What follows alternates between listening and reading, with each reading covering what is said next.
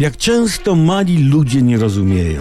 Sprawa ciągnie się od jakiegoś czasu. Internaci krytykują plażę w Warszawie, która pochłonęła już 100 tysięcy złotych z budżetu obywatelskiego.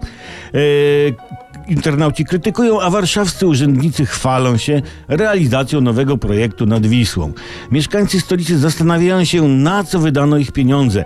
Na razie stoją tam jakieś atrapy łude, jakieś stoliki, coś na kształt altany z wikliny.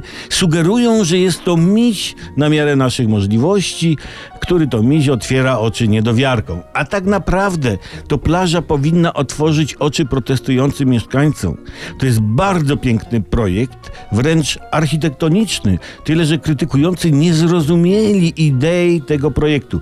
Obiekty na przykład na, na przyszłej plaży nawiązują do architektonicznych stylów neopatyku, babroku, oraz neomodernistycznego postzamordyzmu wikliniarskiego. Jest to e, wyjątkowo wybitna, drewniano-wiklinowa, piękna w swej istocie i zamierzeniu rekonstrukcja średniowiecznej wsi polskiej po upadku spowodowanym epidemią dżumy po najeździe tatarsko-wikingowskim i zatruciu żołądkowym mieszkańców. Do wyposażenia plaży mają dojść jeszcze dwa hamaki po 12 tysięcy złotych sztuka, co nada całości taki niewymuszony styl architektonicznego nepotyzmu.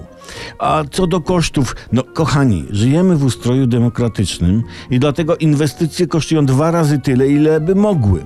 Dorzuci się jeszcze na plażę trochę już zapomnianych ławek niepodległości, po 40 tysięcy każda i słuchajcie, plaża zakwitnie kwieciem oszczędnej estetyki.